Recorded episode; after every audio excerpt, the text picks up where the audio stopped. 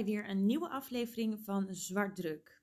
Het is vandaag Valentijnsdag en daarom heb ik gekozen voor een liefdesverhaal, waarvan jij zelf aan het eind van deze aflevering mag besluiten of dat je het ware liefde vindt of niet. Rond de kerstperiode poppen ze altijd wel weer ergens op, de afleveringen rondom keizerin Sisi van Oostenrijk. En daar zie je van die mooie grote diamanten kronen, van die prachtige jurken waarvan je denkt, had ik daar mijn eindexamen gala maar in mogen doen. Maar het bleek dus niet altijd uh, zonneschijn te zijn op die hoven. En dat is waar we het vandaag dan ook over gaan hebben. Niet over keizerin Sissi in het bijzonder, maar wel over haar zoon. We gaan het namelijk hebben over het Meerling-incident. We gaan op de skis zo naar Oostenrijk naar het jaar 1858. Dat is een periode waarin vooral de mannen nog domineerden. En zeker in zo'n keizerrijk, waar de, de kroon van zoon naar zoon naar zoon gaat, zijn de opvolgers onwijs belangrijk. En dan natuurlijk het liefste mannelijke opvolgers. In 1858 kunnen keizer Frans Jozef en keizerin Sissi hun geluk niet op als er in Schloss Luxemburg een jongetje wordt geboren. Dat is overigens een kasteel vlakbij Wenen. Nou, wordt een babytje geboren en ze noemen hem Rudolf. Ze hadden al twee kinderen, twee dochters, waarvan er eentje helaas al was overleden. Maar wat ik al zei, dit was een jongetje en hiermee was er een troonopvolger geboren en dat was fantastisch nieuws. Rudolf is wel onwijs close met zijn zus, maar hij is de opvolger, dus vanaf zijn zesde levensjaar moet hij de opleiding tot keizer gaan volgen. En dat was niet zomaar iets, want wat nu Oostenrijk is, was toen nog Oostenrijk-Hongarije en daar hoorden ook nog de Bohemen bij. Dus het was ook wel echt een flink keizerrijk. Dat was een behoorlijke verantwoordelijkheid en keizer Frans Jozef wilde zijn zoon dan ook perfect klaarstomen en dat ging niet met de zachte hand. Waar Rudolf van zichzelf een jongetje was dat graag gedichtjes schreef, werd hij echt ruw opgevoed.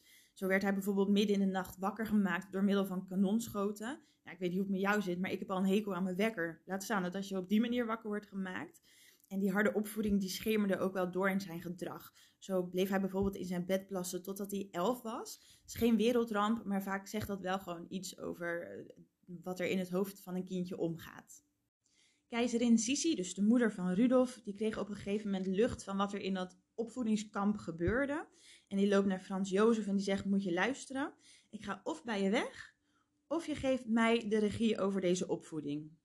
Scheiden kon nog niet echt, dus zij bedoelde daarmee dat ze in een ander huis zou gaan wonen. En dat zijn eh, roddels die op zo'n hof snel de ronde doen. En Frans Jozef die denkt, ja, ik vind haar toch wel leuk. En het staat ook niet zo lekker als zij hier niet meer woont. Dus hij geeft toe en Sisi die krijgt de regie over die opvoeding. Het grote verschil tussen Frans Jozef en Sisi was dat Frans Jozef aristocraat was. Dat betekent dat vooral de meest vooropstaande en rijke mensen de macht hebben. En Sisi was juist meer van het liberale. Wat betekent dat de samenleving een samenleving is waarin burgers veel vrijheid hebben, waardoor zij worden beschermd door bepaalde wetten, en dat de kerk maar een bepaalde macht heeft en dat de overheid wat terughoudender is. Ondanks dat Sisi bekend staat als de keizerin die meer om haar haar gaf dan om haar kinderen, regelt ze toch een liberale leermeester voor Rudolf. En dat is voor hem een stuk aangenamer en daar is hij ook onwijs dankbaar voor. Sisi keek dus niet enorm naar hem om. Frans Jozef, daar boterde het gewoon niet zo lekker mee, want ze hadden te veel verschillende gedachtegangen. Maar dat betekent niet dat Rudolf zomaar zijn eigen gang kon gaan. Van dag tot dag en uur tot uur stond echt vastgelegd wat die jongen zou gaan doen. Zo moest hij bijvoorbeeld iedere dag op een bepaald uur bij zijn ouders verschijnen. En zelfs zijn eerste seksuele ervaring stond vastgelegd. Bizar. En toch weet hij op den duur wel een stukje vrijheid voor zichzelf te fixen.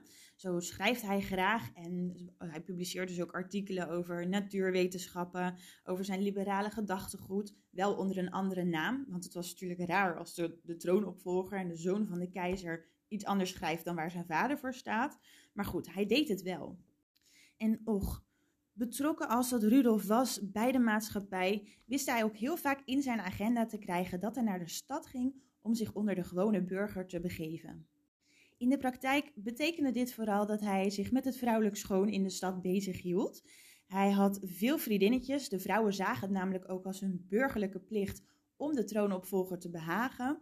En zo kwam het dat hij toen hij 13 was eigenlijk al een hele rij vol met vriendinnen had. En dat is ook wel een beetje hoe hij aan zijn rebelse naam komt. hij stond best bekend als een rebelse, intelligent, maar rebelse troonopvolger. Hij was zeker niet gelukkig met zijn huidige positie, maar hij wist er wel het beste van te maken. Totdat hij moet trouwen, want dat wordt natuurlijk wel van hem verwacht. Nou, dat trouwen dat ging echt nog op een oldschool manier. Hij had niet de vrijheid om zelf iemand uit te zoeken. Er werd een huwelijkspartner voor hem aangewezen. En dat ging, ja, was op basis van een strategische keuze in plaats van dat ze elkaar echt leuk zouden vinden. Soms valt dat mee, soms valt dat niet mee, maar ze zien elkaar dus voor het eerst op een portret. En hij vindt haar lelijk en zij vindt hem lelijk. En dan zien ze elkaar in het echt en dat verandert eigenlijk niet. Ze vinden elkaar gewoon nog steeds niet leuk, maar hey, het staat vast dat ze moeten trouwen. Overigens, op basis van die portretten vind ik het echt wel meevallen, maar die werden natuurlijk soms wel ook iets mooier gemaakt dan dat het allemaal was. In 1881 trouwen Stephanie en Rudolf dus. En daarna hebben ze allebei zoiets van: let's get it over with. We gaan voor die baby, want dat was natuurlijk het hele doel van dat huwelijk. En jawel, in 1883 is daar een babytje. Dan wordt namelijk Elisabeth Marie geboren. Rudolf denkt: ja, bammer, het is geen jongen, maar het is in ieder geval iets. En ondertussen gaat hij eigenlijk gewoon door met waar hij gebleven was met die hele rij vriendinnen. Rudolf doet dat trouwens niet heel stiekem. Stephanie is natuurlijk ook niet gek, maar die komt hem gewoon letterlijk wel eens tegen met een van zijn minnaressen. En je kunt je misschien voorstellen dat dat zo'n huwelijk ook niet echt goed doet. Je zou dus kunnen zeggen dat ze allebei gevangen zitten in dat huwelijk. Stephanie vooral thuis met haar kleine dochter, Rudolf vooral in het huis van andere vrouwen. En af en toe proberen zij toch nog aan die huwelijkse plicht te voldoen. Ze hebben dan toch nog wel eens gemeenschap om maar eens te kijken of er misschien nog een jongetje gemaakt kan worden. En, dames en heren, wat kan er gebeuren als je voor het bestaan van Durex met heel veel verschillende mensen het bed deelt? Juist, daar kun je een SOA van krijgen. Ik vind dat het nog een soort van lang heeft geduurd, maar in 1886 wordt er inderdaad een SOA bij Rudolf ontdekt. Hij blijkt een te hebben. Hij weet dus dat hij het heeft. Hij weet wat het is en hij weet wat het kan doen. Maar deze Lullo besluit om het niet aan Stephanie te vertellen, maar hij deelt nog wel steeds het bed met haar om toch maar eens te kijken of er misschien nog een zoontje kan komen. Stephanie krijgt ook die gonorroe en zij wordt daar zelfs onvruchtbaar van. Als dit wordt vastgesteld, is er voor zowel Stephanie als voor Rudolf geen reden meer om toch nog samen te komen om eens te kijken of ze voor dat zoontje kunnen gaan. En dat zorgt voor een nog grotere kloof en ze gaan eigenlijk allebei apart wonen. Stephanie die blijft met Elisabeth Marie wonen waar zij altijd al woonde. En in 1886 koopt Rudolf een jachthuis en dat heet Meerling Lodge. Het is trouwens een enorm huis, ik zou eerder zeggen kasteel, maar goed, het heet een jachthuis. Je zou kunnen denken, nou dan heeft hij het toch best lekker voor elkaar. Hij zit in een hutje op de hei, die heeft nergens meer last van, maar niets is minder waar. Hij heeft geen fijne jeugd gehad en hij wordt ook niet geholpen om daarmee om te gaan. Hij is troonopvolger van een rijk wat hij helemaal niet wil zijn, maar waar hij wel heel veel voor moet doen. En hij heeft een huwelijk wat niet is gelukt en waar hij überhaupt nooit gelukkig in was. Zover dus alles behalve een gelukkig leven voor Rudolf. Hij weet wel een paar fijne dingetjes voor zichzelf te regelen in het leven. Hij ziet wat vaste maîtresses. Hij heeft dat jachthuis. Hij is ontzettend gek op jagen. Dus dat kan hij met Meerling Lodge doen wanneer hij wil. En hij heeft ook echt wel wat goede vrienden. En er zitten zelfs een paar andere troonopvolgers bij. Dus mensen die ook echt wel weten wat er bij hem in zijn hoofd omgaat. Er is alleen één ding die hij niet voor zichzelf kan regelen. En dat is iets dat elke dag dat hij leeft een stukje dichterbij komt. Namelijk die troonopvolging. En dat valt hem zo ontzettend zwaar. Met die wetenschap moddert hij wat aan. Hij is zoveel mogelijk in Meerling Lodge en zo min mogelijk op dat hof. En in 1888 komt er dan opnieuw een lichtpuntje in zijn leven. Dit is het jaar dat hij en 30 is geworden, maar ook dat hij de 17-jarige barones Marie von Vetsera ontmoet. En hij brengt met haar best wel wat tijd door in zijn jachthuis. Maar uiteindelijk komt zij eigenlijk ook in dat rijtje met maîtresses terecht. Maar hé, hey, dat is voor hem toch een aanwinst. We komen nu aan op 30 januari 1989 en dat is de dag waarop Rudolf met een van zijn vrienden zou gaan jagen. Maar Rudolf is laat, Rudolf is eens vaker laat, maar hij was nu heel laat. Dus die jachtvriend die rijdt op zijn paardje naar Meerling Lodge en hij klopt aan. En er gebeurt niet zoveel.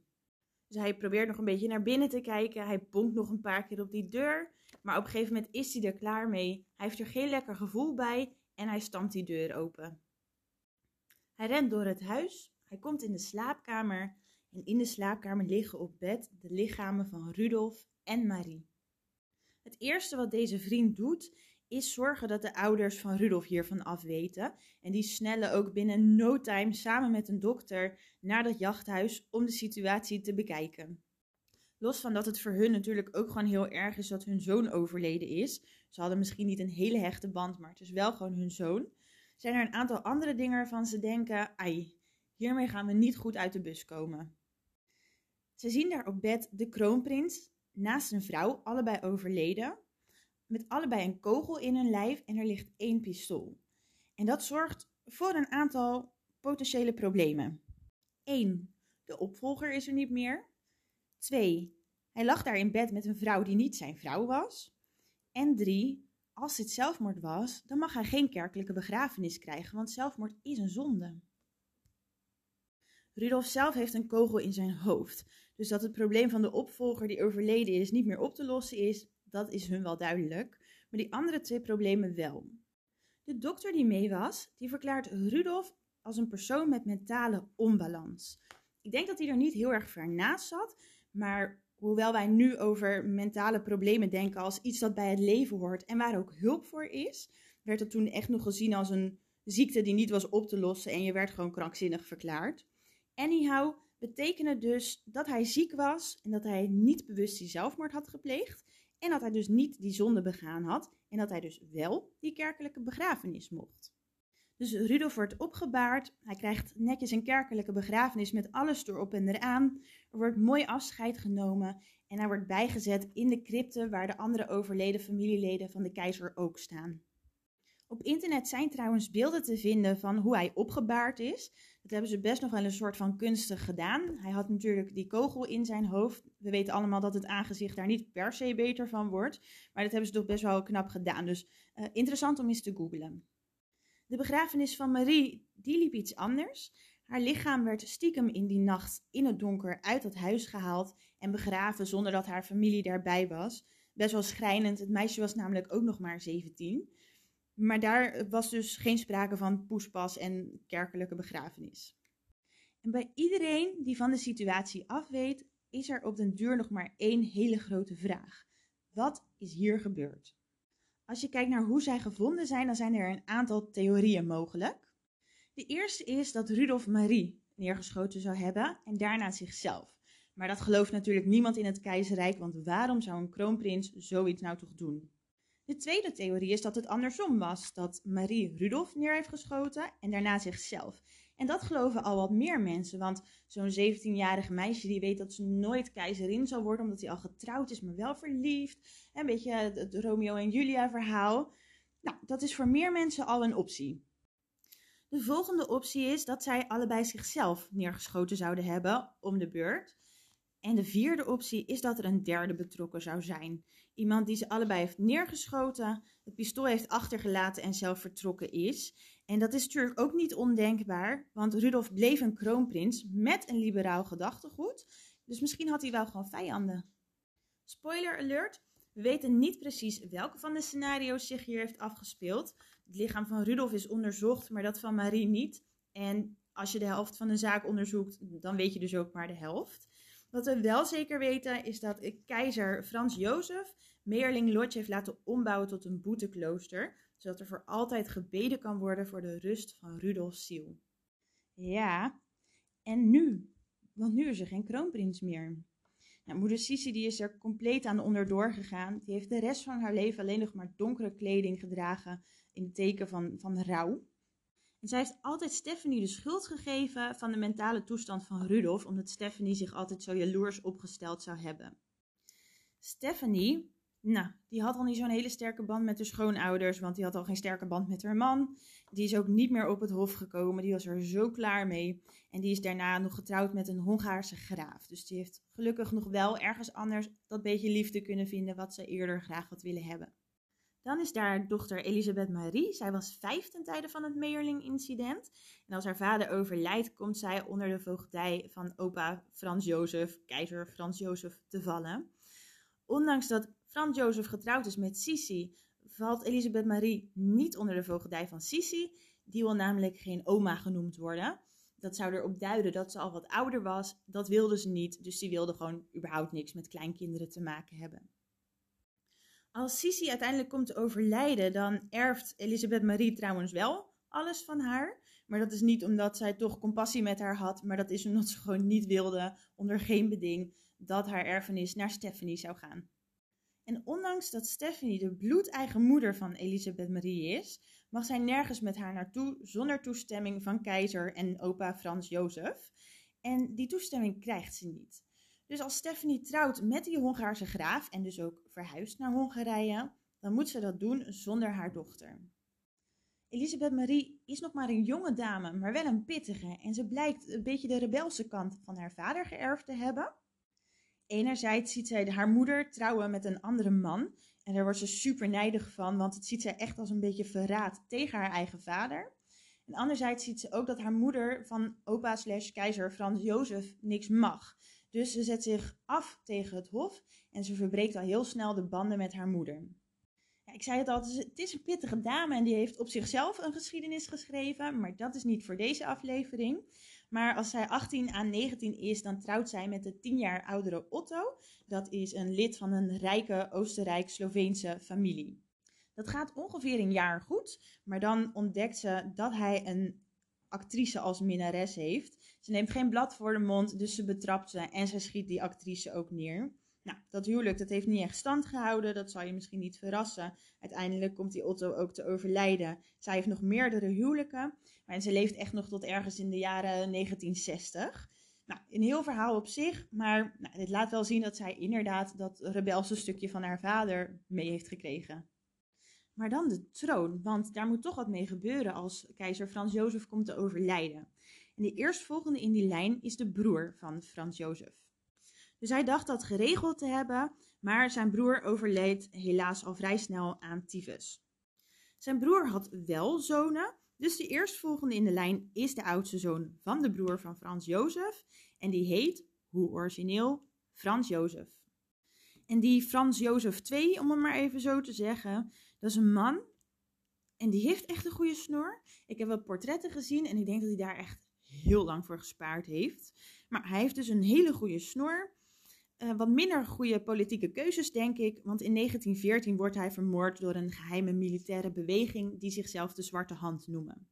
De troon is weer leeg en de volgende in de lijn is een achterneef van de tweede Frans Jozef. En dit is een heel groot geschiedenisstuk op zich, maar in 1918 wordt hij gedwongen om afstand te doen van de troon. Oostenrijk-Hongarije houdt op met te bestaan en het is ook het einde van de lijn van de oorspronkelijke keizer Frans Jozef en zijn keizerin Sissi. Ja, en die Rudolf, want daar startte dit verhaal natuurlijk eigenlijk mee. Een man met niet zo'n vrij karakter, denk ik. Met zijn verzwegen SOA's en de minnares die de helft van zijn eigen leeftijd was. Maar hé, hey, dat is mijn mening. Maar ook wel een man die best wel een schrijnend leven heeft gehad hoor. Hij had een leven dat eigenlijk niet van hem was, maar dat al, al helemaal uitgetekend was. En dat is prima als dat een leven is wat je wil, maar hij wilde dat duidelijk niet. Ook in de artikelen die hij schreef, daar schemerde gewoon heel erg door hoe dat in zijn hoofd eraan toe ging. Dus hoe, welke druk hij voelde, hoe, wat voor rommeltje het in zijn hoofd was. Hij was gewoon niet gelukkig en hij werd ook niet gelukkig met het vooruitzicht in zijn leven. En dat is natuurlijk wel triest. In een afscheidsbrief naar zijn moeder en naar Stephanie schreef hij dat het leven voor hem een plaag en een last was. En dat hij zijn vrouw zou bevrijden door zelf te overlijden.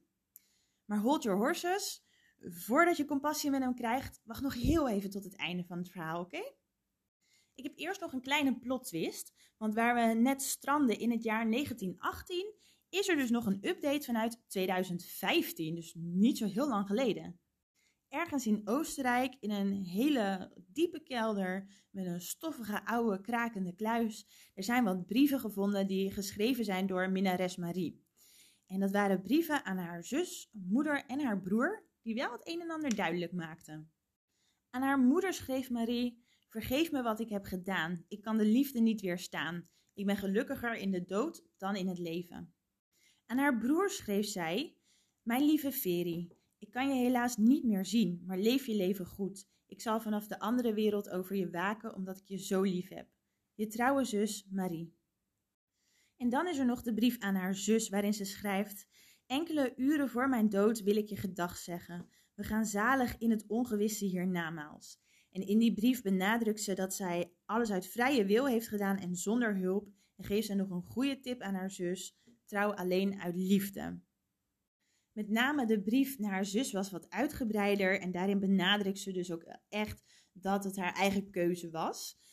We weten nu dat je hersenen op je zeventiende nog niet helemaal ontwikkeld zijn, dus ik denk dat het nog steeds een slecht idee was. Maar vanuit haar standpunt was dit op dit moment de oplossing. Ze hadden met z'n tweeën een pact gesloten, ze waren gedoemde geliefden, ze konden nooit helemaal samen zijn. Dit was de beste manier om de pijn te stoppen. Met de brieven die gevonden zijn, kunnen we dus concluderen dat er inderdaad eh, geen sprake was van een moord gepleegd door een derde. Vanuit het oogpunt van Marie was het echt een pact gesloten tussen twee mensen die elkaar zo lief hadden, maar het ging niet. Dus dan was dit de beste uitweg. En ook in brieven die gevonden zijn vanuit Rudolf bleek dat er een pact gesloten is. Maar daar zit nog wel een ander randje aan. In zijn brieven is terug te lezen dat hij wilde ontsnappen aan het leven wat hij niet wilde leiden door te sterven. En hij wilde dat samen doen met zijn grote liefde. Wat hij wel aan Marie vergat te vertellen, is dat zij niet zijn grote liefde was. Zijn echte grote liefde die zei nee tegen het pact. En Rudolf besloot toch om door te gaan met het plan om te sterven, maar hij wilde niet alleen zijn. En dat is de enige reden dat hij Marie heeft gevraagd om met hem mee te gaan.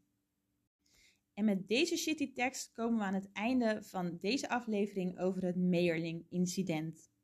Omdat we toch al lekker in de geschiedenis zitten vandaag, gaat daar mijn tipje ook over. Ik zou je heel graag de podcast Geschiedenis geven willen aanraden. Dat is een podcast gemaakt door een geschiedenisdocent samen met, ik denk, een vriend van haar. En zij vertelt dat zo leuk dat het echt een feestje is om naar te luisteren. Dus ook al ben je maar een heel klein beetje geïnteresseerd in de geschiedenis, luisteren, want hij is echt tof. En ze hebben meerdere reeksen, dus als die je bevalt, dan kun je weer eventjes vooruit. En dan gaan we richting het einde van deze aflevering op Valentijnsdag. Of je nou bloemen krijgt of voor jezelf koopt, ze gaan er echt niet minder mooi om staan. Mijn advies is, Valentijnsdag is toch een beetje de dag van de chocola en maak daar gebruik van. Maar vooral, geniet lekker van je dag en hopelijk weer tot volgende week bij Zwartdruk. Doeg!